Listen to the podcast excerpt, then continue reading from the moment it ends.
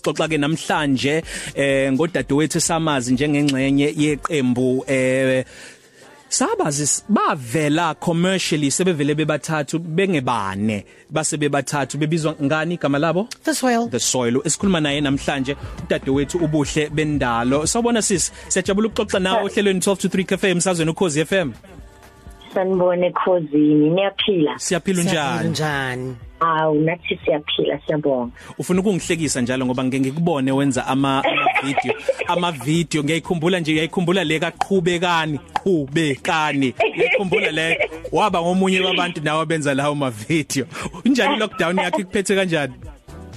Um ish yeah seyazwakala manje you know. Mm. at first it was okay we just we're going to do this you know. But now that sekudlule like over inyanga manje sekuyazwakala nasephaketheni you know Eish. but we remain positive and try and keeping within the music also yabona mm. um nokuthi nama connections we family nawo sizama ukwaqinisa so kulukhuni kodwa kodwa i think it's necessary you know yeah. ukuthi sibe sesikhathini sikanjena yeah. so that si sibuyele e, e, e, e eluntwini sibuyele ebuntwini bethu so that sizo appreciate izinto ezibalekile you know. Kulokho kusho ukuthi sekuyazwela ephaketheni indlela wena oyiqonda ngayo iunderstanda ngayo lento yokulekelelwa kwama creatives amaciko uhulumeni usayizwe wayiqonda ukufinyelela kuphi? Mhlambe mawungakwazi wena ukuyicuba ukuzwa nje ukuthi konje bazolekeleleka kuze kufike kuphi? Yabona yona buti angakayiqondi ngokuphelele mm. you know? Yeah. Um even even with the applications themselves you know they get a bit tricky for you you know? Yeah. And uh bengathanda mhlawumbe ukuthi uhulumeni uzame ukusenzisa ukusenzela into e e user friendly really and people who actually have the proper information mm. when we actually call these numbers that they give to us for this assistance you know? Um because yeah yeah kukhona kona kodwa eish akuthembisa impela kodwa like i'm saying ukuthi it's important ukuthi sihlale si si positive you know and and siyabona nohulumeni ukuthi uyazama ngempela ukuthi kuzameke eh kuma creatives but ama creatives maningi butwami mm. you know mm. and it's it's and most creators are mainly freelancers mm. so kuvele kube kuvele kube khuni and kube bhlungu enhlizweni where you you you can see ukuthi there, there is no allocations for people like that. So it, it's important ukuthi mhlambe sizame uku ngesicela sithi ukutweza you know like to line up sivule le le le gama lithi creatives sizama ukubheka wonke ama corners of creatives sibone ukuthi mhlambe bangalekelela kanjani bona you know but it's really broad and it's not just one form of one form of art. Art is broad but amna lento eniyenzayo lapha studio is a form of art yeah. you know? So it's it's important to to look into everything because even the, those freelancers like I'm a catering company I'm a photographers they also need to to to be secured you know? And unfortunately I I think I finyelele kubo. So it's it's just it's a lot really. Ake sibuke ke Oh okay. Yes.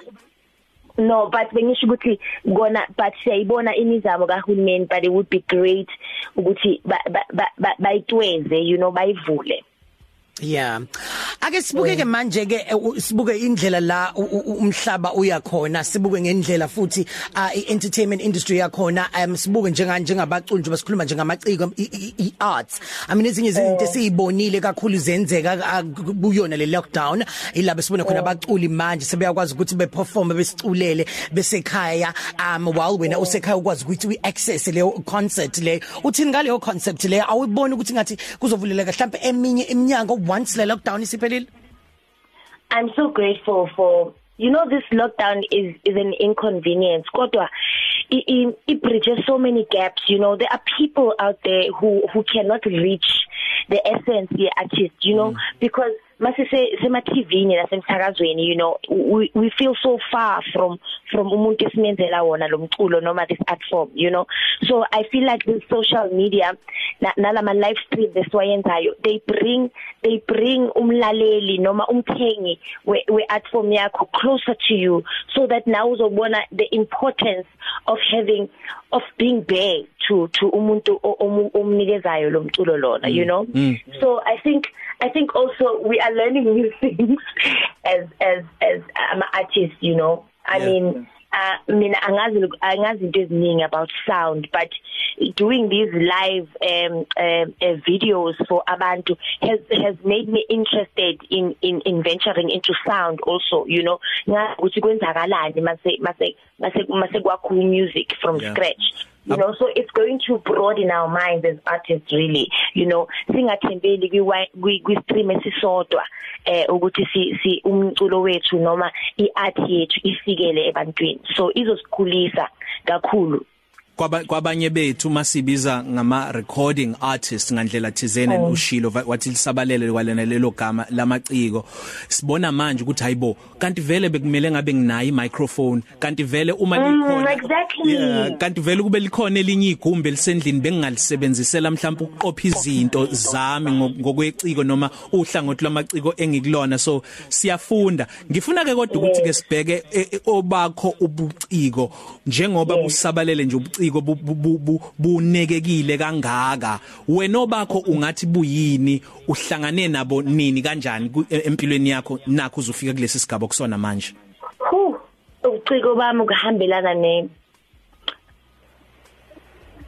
nokuphilisa. Like I, I I don't call my gift uh, ubuciko per se you know? Yeah. I feel like um uyayilulaza isiphiwo sokuphilisa you know mm. eh eh dala dala ngabona ukuthi ngiphathisiwe imiyalezo yokuphilisa imimoya yabantu you know mm -hmm. um and it doesn't matter ukuthi ngiphilisa kanjani because i'm also even with this thing othi othi ayibona lama video ukuhleka kuyaphilisa as well yeah. you know so i i feel ukuthi isiphiwo sami esokuphilisa imoya yabantu ngazo zonke indlela bakhona ukufinyelela kimi ngazo you know?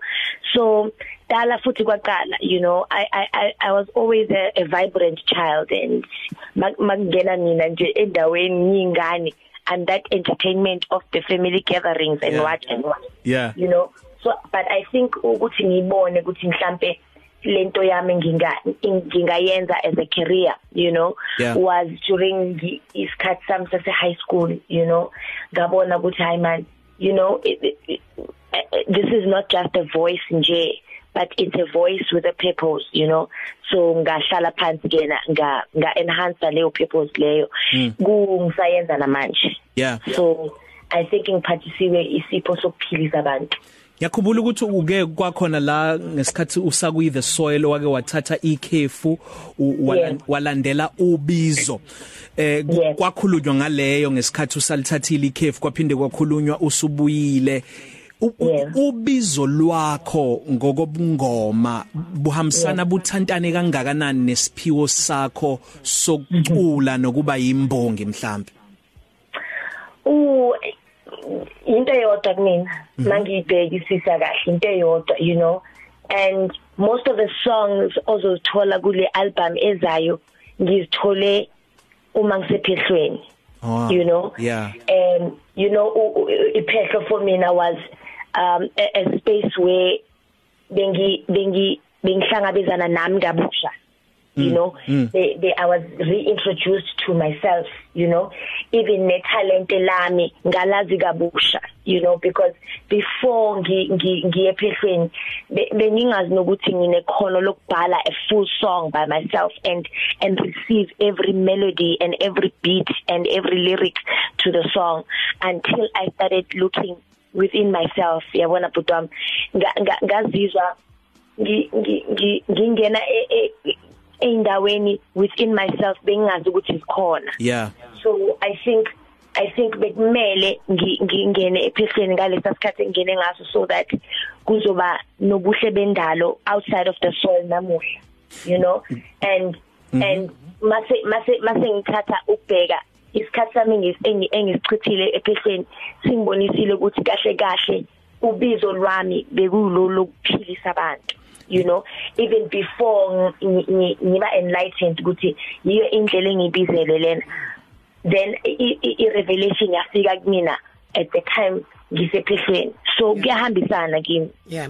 So um umculi noma iartist mangabe sisuka kwi group um abanye seke sibabone baya bahamba ngesinye isiko bahamba ngesiqi sihlukile mhlawumbe ngabe sekube bese groupini wena mhlawumbe uzohamba uzothi in line with lokho kade ninikwenza with the soil or noma uya rebranda ke manje um so kuzoba ubuhle bendalo. Omunye ohlukile oqhamuka ne sound oculi opera yeah.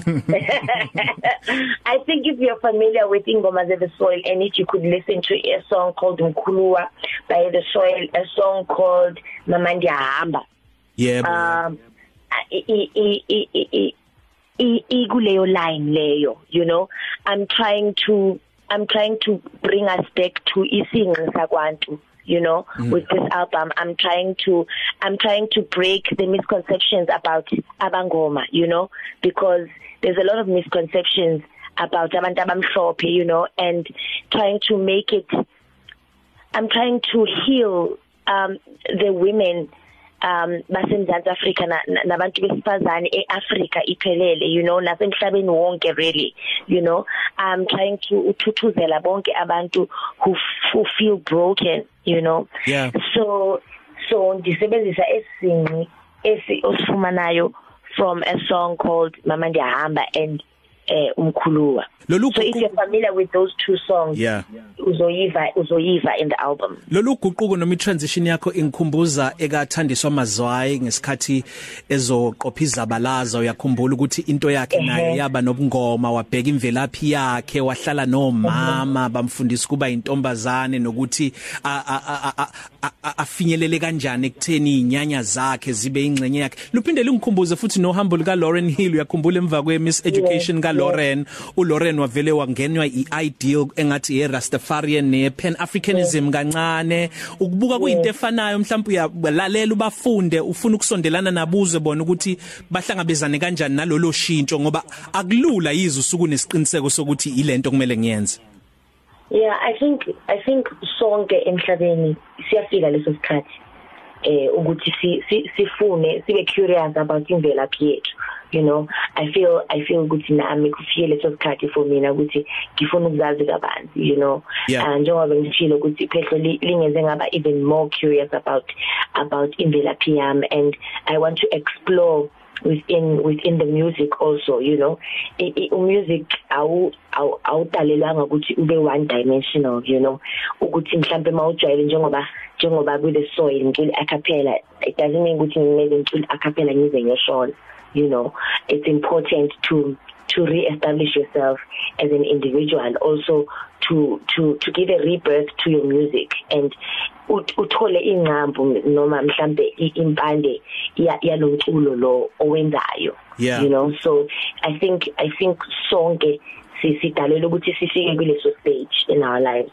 Dadewethu ngiyazi ukuthi i the soil yohlezi senhlizweni yakho futhi abafweni bekade nisebenza nabo eh niyaqhubeka niyasebenza sonke. Can i just rectify that? Okay okay. yeah. As asikaye ukusebenza sonke. It's just that we took a break from recording. Aha. but but asihlukene. Thank so you we're, Lord. we're trying to just grow uh, separately at the moment but asikaka asikakahlukani hayi ke kwathi qoso lolo nakuthina Yeah, nayi yeah. ngoma nayi lengoma esikuvalelisa ngayo ethi intaba ezimnyama naba abalaleli abakwazi kuyi the soil basizwile manje njengoba sixoxa ngalolu hambo lwakho olusha awukhulume nabo usavalelisa ubonge nje naneqhaza labo kwi career yakho usaqhubeka naye Okay, ngiyabonga kakhulu for supporting ubuhle bendalo within the soil and supporting in the soil.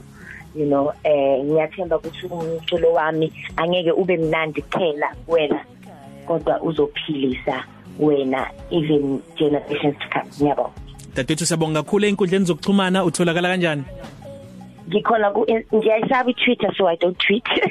usuyayisaba manje um ngikhona ku Instagram I'm very, I'm very active on Instagram as _bendalo. underscore bendalo Yes. daba ezimnyama sibonge kakhulu dadewethu ingoma yakhe siphuma ngayo namhlanje Ngiyabonga. bye bye Maye ngesaba we Kumnyama mama Asafani nakudala